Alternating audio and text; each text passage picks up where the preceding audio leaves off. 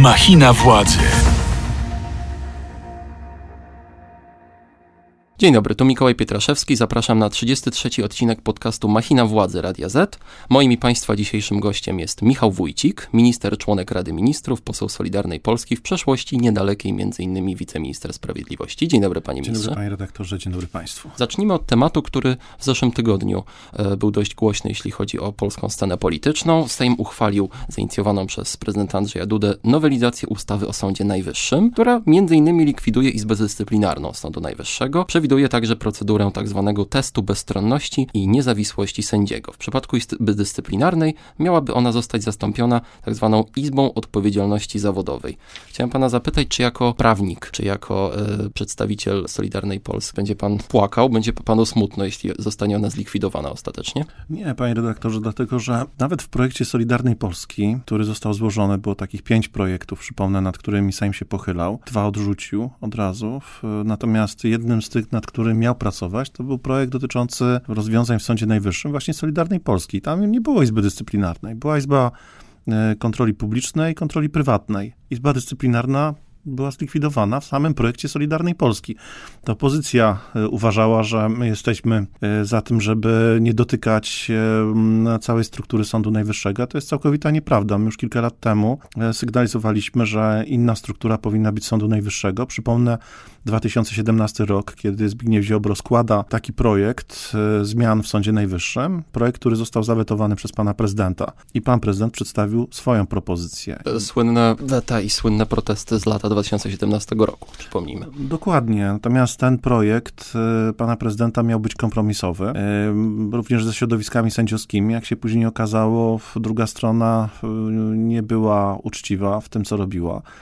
No i dzisiaj jest dyskusja w Unii Europejskiej. Komisja Europejska atakuje właśnie tamtą ustawę, która została wprowadzona w 2017 roku. Natomiast Izba Dyscyplinarna będzie zlikwidowana. My za tym głosowaliśmy. Będzie inny rodzaj izby. Natomiast odpowiedzialność dyscyplinarna sędziów musi być, bo to nie jest kasta, która jest wyłączona poza społeczeństwo. Ale właśnie dlaczego ta Izba Dyscyplinarna teraz musi, waszym zdaniem, zostać zlikwidowana, skoro jednak powstała już za waszych rządów? Więc co się zmieniło w tej optyce? E, Czy to jest tylko i wyłącznie kwestia protestów ze strony Brukseli? Wie pan, y, nie można robić pod wpływem jakiegoś szantażu y, zmian i my tego tak nie postrzegamy, dlatego celowo panu powiedziałem, że w 2017 roku my mieliśmy już swoje propozycje, już wówczas y, zmian w Sądzie Najwyższym. Zresztą taka propozycja została też złożona, jeżeli chodzi o sądownictwo powszechne, czyli chodzi o spłaszczenie struktury.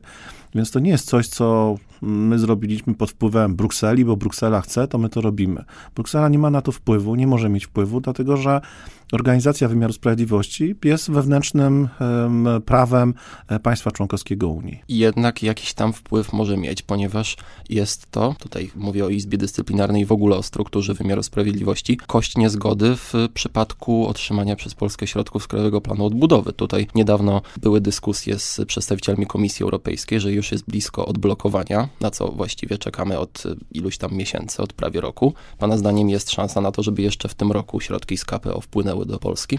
Myślę, że tak. E, oczywiście nie jest to procedura, która trwa kilka dni czy kilkanaście dni tylko trwa kilka miesięcy. To jest procedura y, skomplikowana dosyć. Myślę, że pani von der Leyen y, przyjedzie do Polski i poinformuje o tym, że Komisja Europejska akceptuje ten krajowy plan odbudowy, no ale to są jeszcze kolejne etapy. To są komitety, które jeszcze muszą się nad tym pochylić, umowy muszą być podpisane, zasady muszą być określone. To trwa kilka miesięcy. Na pewno zaliczki nie dostaniemy, dlatego że ona y, by, była możliwa wcześniej, natomiast te kolejne transze sądzę, że będą wypłacane Natomiast e, powiem tak, e, no, Unia Europejska dalece wykroczyła poza swoje uprawnienia. One są określone w traktatach unijnych i Unia Europejska nie ma prawa, żeby pouczać jakiekolwiek państwo, czy ma robić to, czy tamto, bo jeżeli nie, to zablokuje pieniądze. No to jest taki gangsterski sposób podejścia. Słuchasz podcastu Radia Z. A nie ma pan wrażenia, że jednak trochę się cofnęliście, bo jednak wy jako Solidarna Polska najgłośniej wspominaliście o tym, że raczej nie ulegniecie temu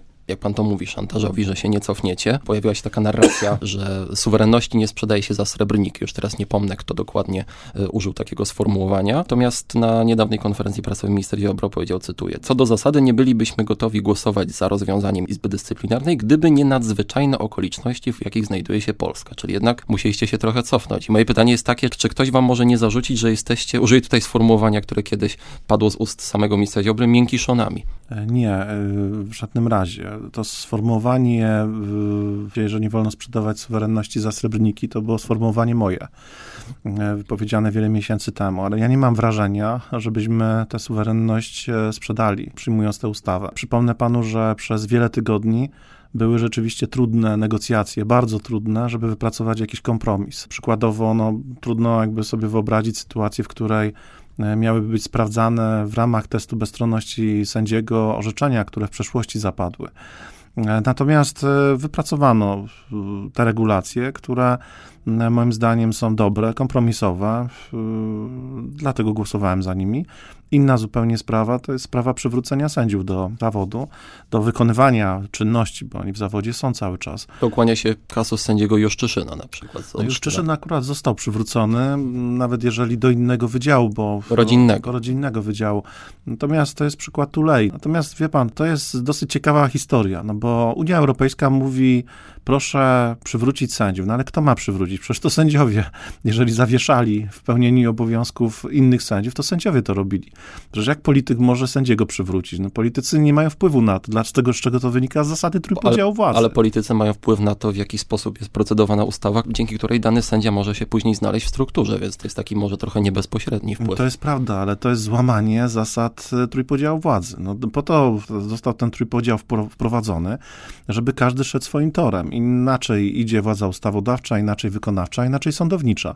I teraz, jeżeli decyzje sędziów mają być zmieniane, odwracane przez polityków, no to znaczy, że następuje złamanie właśnie tego trójpodziału władzy. No to nie wiem, jak sobie pani von der Leyen to wyobraża, bo ja wiem, że ona jest lekarzem, może nie rozumieć pewnych rzeczy. Przepraszam, lekarzy bardzo szanuję, ale... Ale to samo można powiedzieć o prawnikach ze strony lekarzy na Bardzo przykład. szanuję, ale chcę powiedzieć, że jednak chyba do końca nie spina się to, jeżeli mówi, że polityk e, ma jednak odwrócić orzeczenie sądowe. No to w takim razie się pytam, gdzie jest praworządność? No, wie pan, to jest wszystko to taki nadmuchany balon jest czasami. Mam wrażenie, że my się tłumaczymy z czegoś, druga strona kompletnie nie rozumie rozumie znaczenia tego, tego, czego się domaga.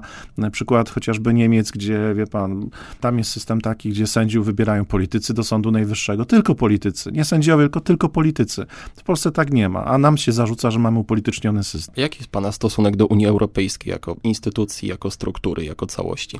Był bardzo otwarty i bardzo życzliwą postawę miałem w momencie, kiedy wchodziliśmy do Unii, ale była to inna Unia, można powiedzieć, nawiązująca do Unii tworzonej przez ojców, założycieli tej organizacji. E, dzisiaj mam e, stosunek bardzo krytyczny z powodu przede wszystkim działań ludzi, którzy kierują Unią, którzy są sternikami jakby Unii. Przykład takich ludzi jak Timmermans. To ewidentnie wasz ulubiony urzędnik unijny. No tak, bo on się zajmował praworządnością, dzisiaj zajmuje się ochroną środowiska, ale wie pan, jeżeli ktoś mówi kilka miesięcy temu, że nie ma miejsca na węgiel w całej mm, strukturze jakby tutaj pozyskiwania energii, chodzi o nośniki energii, a dzisiaj mówi, że jednak jest, no to to jest niepoważny polityk. Jeżeli mamy panią, nie wiem, Werę Jurową, która mówi o upolitycznionym systemie, a sama jest z Czech i sama nie, najwy, najwyraźniej nie chce chyba pominać, jak system czeski działa i jak bardzo upolityczniony jest strukturalnie ten system, no to, to nie jest poważne. I takich osób można by, wie pan, wymieniać więcej. Reinders, to też człowiek, który, przypominam sobie taką debatę, gdzie się ośmieszył, kompletnie nie, nie znał polskiego systemu, natomiast bardzo chętnie nas poucza. Bo gdzie jest problem? No to jest wynik po prostu niestety działania polskiej opozycji. Oni zostali uwiarygodnieni w swoim mm, ataku na Polskę, mm, mówię o różnych urzędnikach unijnych, przez polską opozycję. Czy to nie jest już troszeczkę za długo czasu, jeśli chodzi o wasze rządy, żeby tak już oskarżać opozycję? Ale to opozycja robi, panie redaktorze. Od pierwszego dnia ulica Zagranica to jest hasło, które wie pan nie jest oderwane od tej rzeczywistości, od tego, co się dzieje. Mamy szaloną opozycję. Ja tak uważam. O nich się będzie czytał w książkach za ileś lat. To będzie jedna z najgorszych opozycji, jaka mogła być. Na pewno najgorsza w okresie powojennym. Najgorsza ze wszystkich. Jestem przekonany w 100%, że będzie ocena historyczna tej opozycji dzisiejszej będzie bardzo, bardzo krytyczna. Można prowadzić dyskurs trudny. Możemy się nie zgadzać, bo wie pan, to nie jest tak, że mm, wszyscy mają mieć jeden pogląd. Ale my musimy wiedzieć, że jest też dobro wyższe.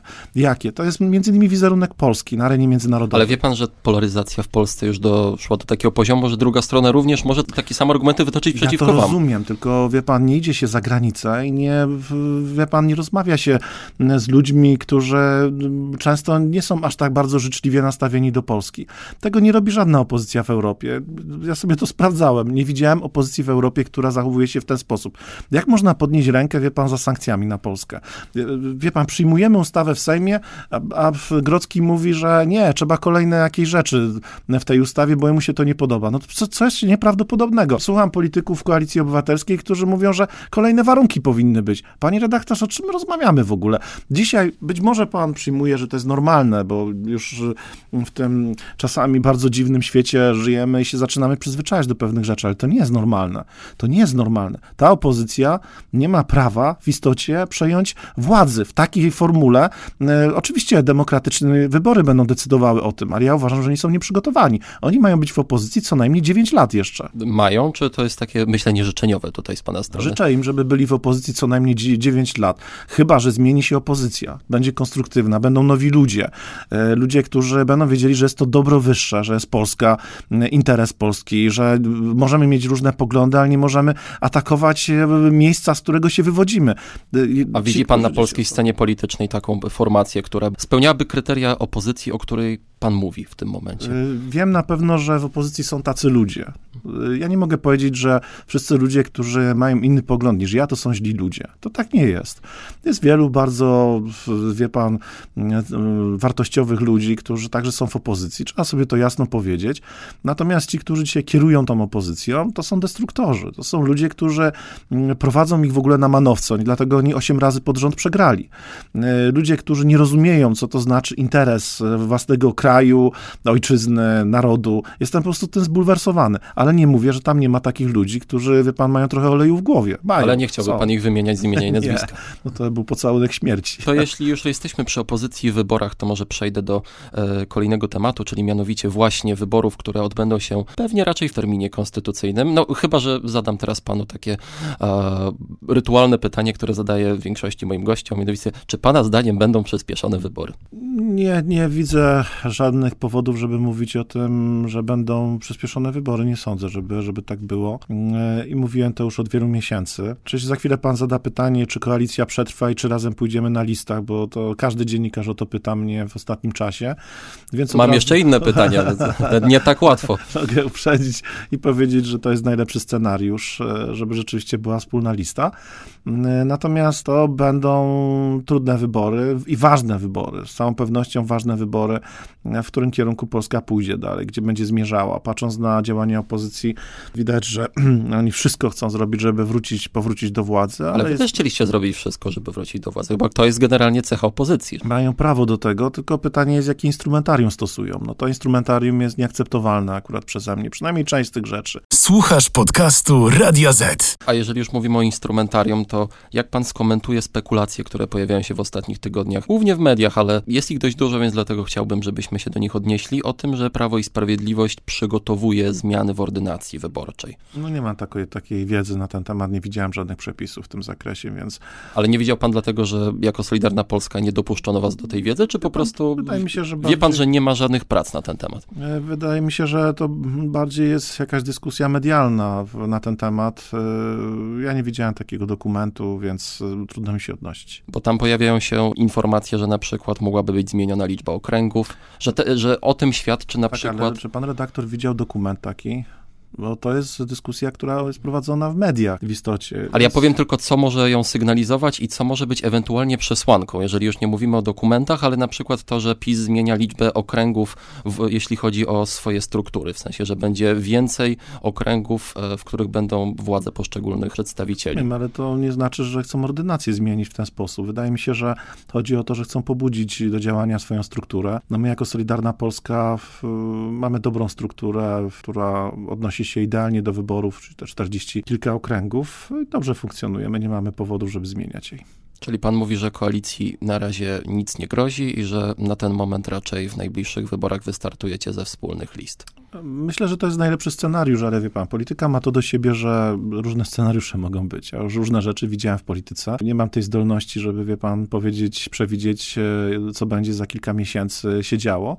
Przypuszczam, e, przypuszczam, tylko jest pewne przypuszczanie, że jednak ten kierunek e, wspólnej listy to jest dobry kierunek i kolejnych wygranych. A nie jest tak, że troszeczkę może wam zaszkodzić taka retoryka, tutaj nawiążę do naszego poprzedniego wątku, może nie tyle antyunijna, co eurosceptyczna. Wy jako Solidarna Polska krytycznie wyrażacie się na temat niektórych e, działań e, centrali w Brukseli. I tutaj chciałbym też e, odwołać się do słów pana byłego kolegi partyjnego Jacka Włosowicza, senatora, który został relegowany z Solidarnej Polski.